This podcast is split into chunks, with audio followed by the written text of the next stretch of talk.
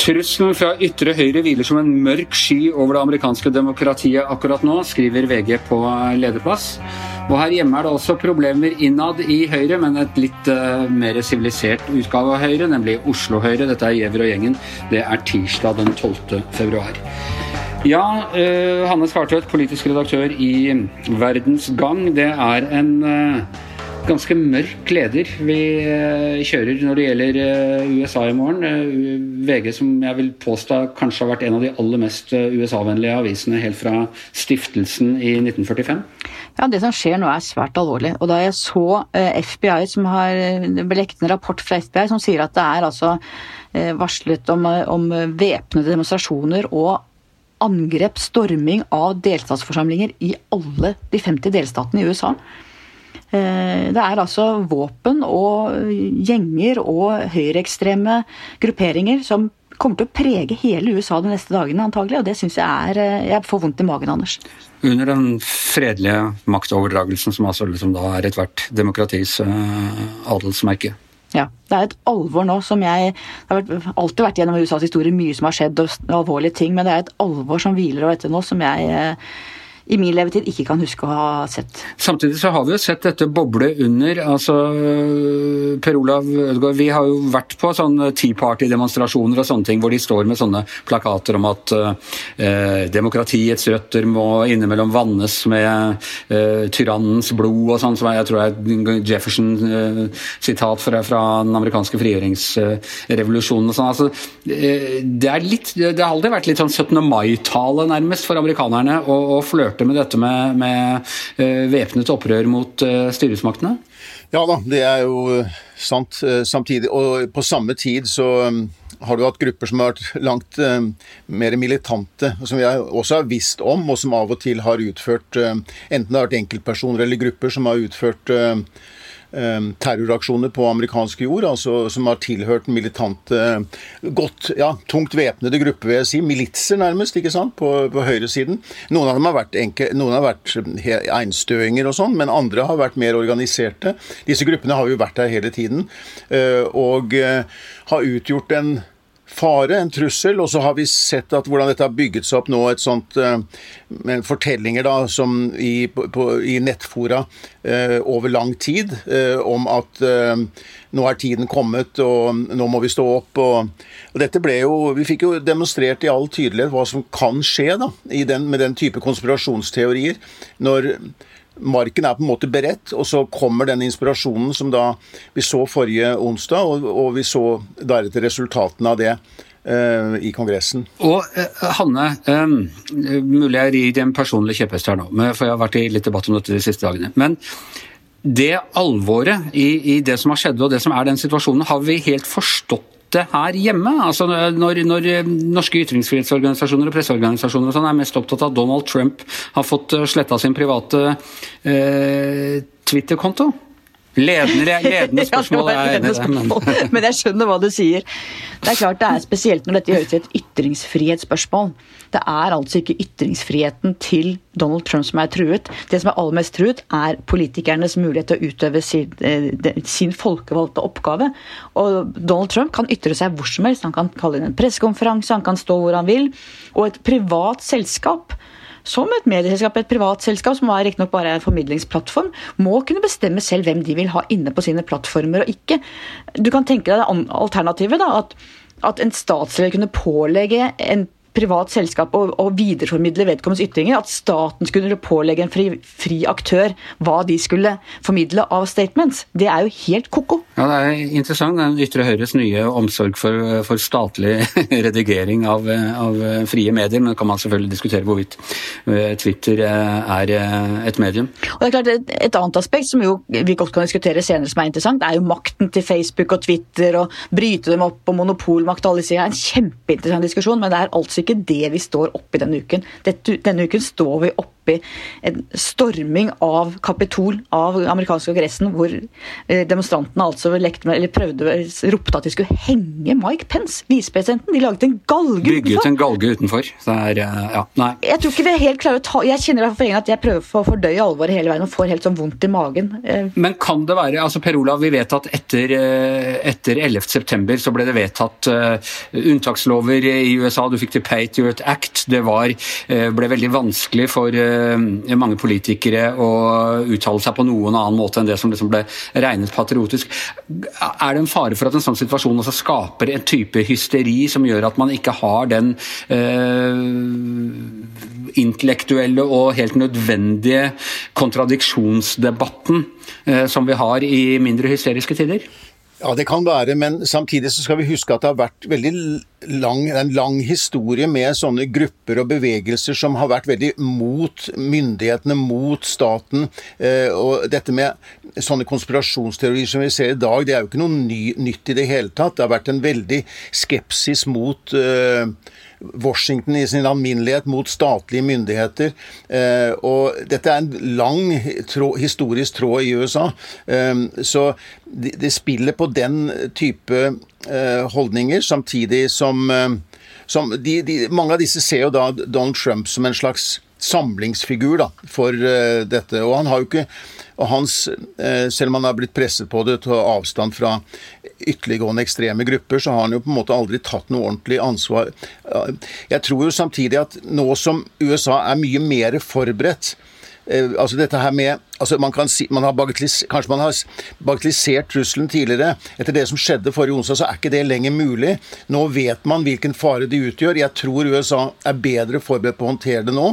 Jeg tror man og når, når, man, når, man, er beredt, så tror jeg sjansen for at noe kan gå riktig galt, er, er da redusert. Altså. Jeg tror, det, jeg tror vi er bedre forberedt nå enn vi var enn USA var før dette som skjedde onsdag. Samtidig er det klart at det er ikke noe vakkert syn når, når, staten da skal slå tilbake mot dette. Jeg tror Vi kommer til, vi har jo sett forferdelige bilder fra onsdag forrige uke ved Kongressen. Og jeg tror vi kommer til å komme flere bilder fra delstater med konfrontasjoner mellom demonstranter og politi. og eh, Det kan bli ganske hardhendt begge veier. Nå, I dag så kan vi vel forvente at Trump sier noe for første gang siden torsdag. Det er ikke fordi at han ikke har vært på Twitter at han ikke har sagt noe. Han kan jo når som helst ha holdt en pressekonferanse eller holdt, spilt en tale eller hva som helst. Han har jo, uh, han har jo den, hatt den muligheten hele tiden. Men i dag så er han i, og alle steder, i Alamo i Texas, som er et sted med dyp symbolsk betydning i amerikansk historie.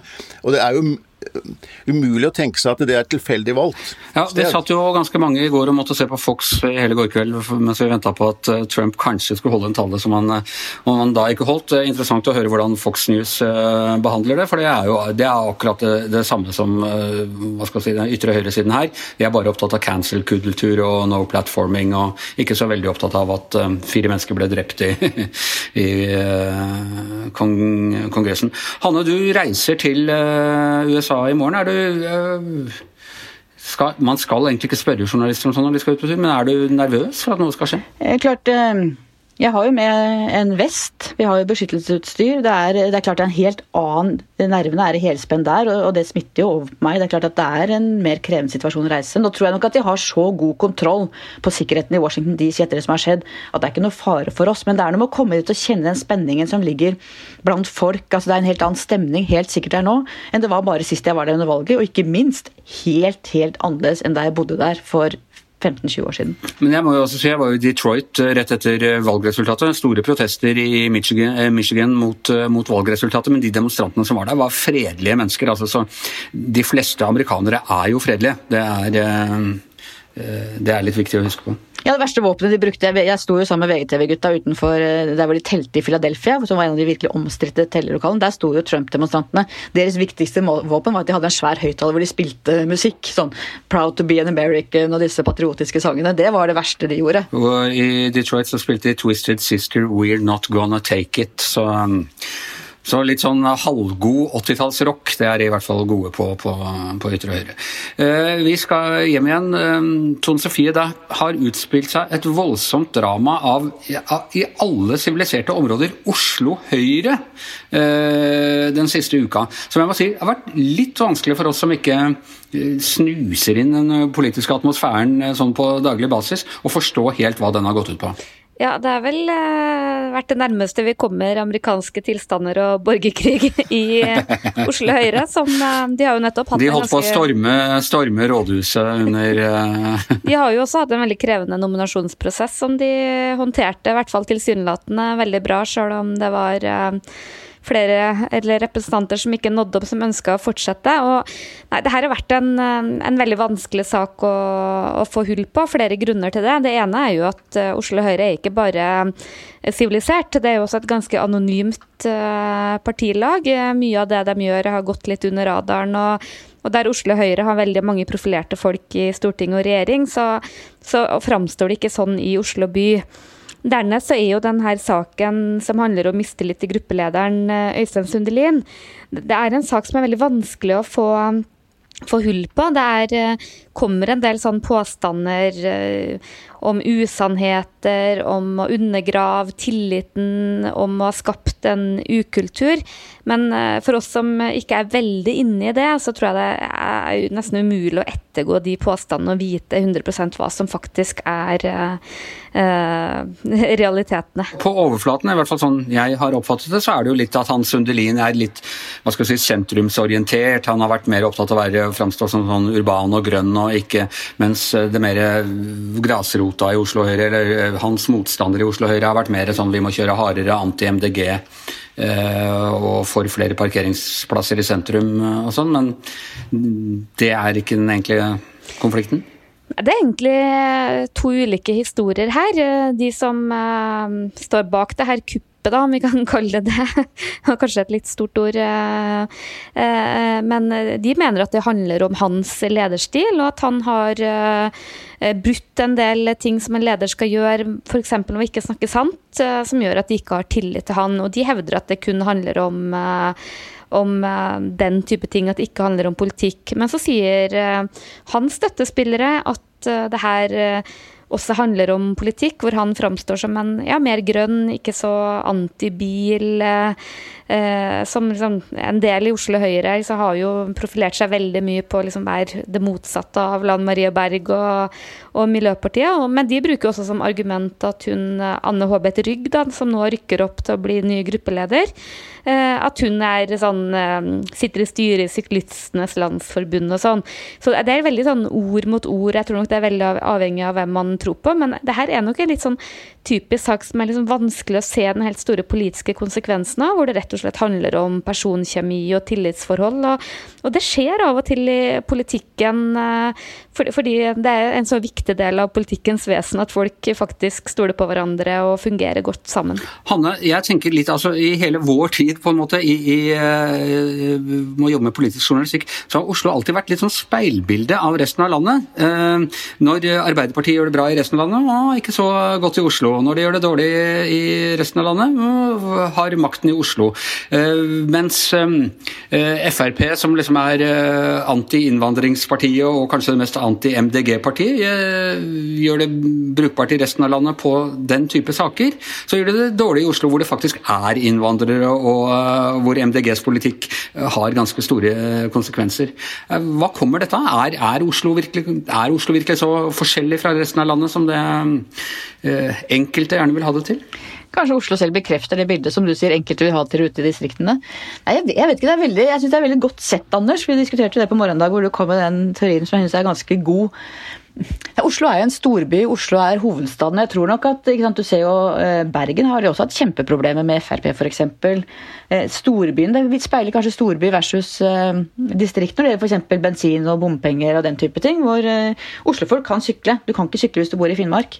Jeg tror det er den type ting, Men så har jo også partiene, Oslo-partiene, Oslo Arbeiderpartiet har jo alltid vært en veldig konfliktfylt, rar greie. Oslo Høyre har nok vært litt mer dannet, kan du si. men Jeg vet ikke hva det er med Oslo-politikken, men det har alltid vært litt uh, spesielt og annerledes. Tone Sofie, du, nå er du nesten fullintegrert uh, Oslo-borger, men det er noen måneder igjen til vi skal ha den store seremonien på rådhuset, hvor du blir tatt opp i den urbane medieeliten, og det bare er dialekten igjen av den gamle trønderjenta. Uh, men hvordan opplever du det, disse forskjellene?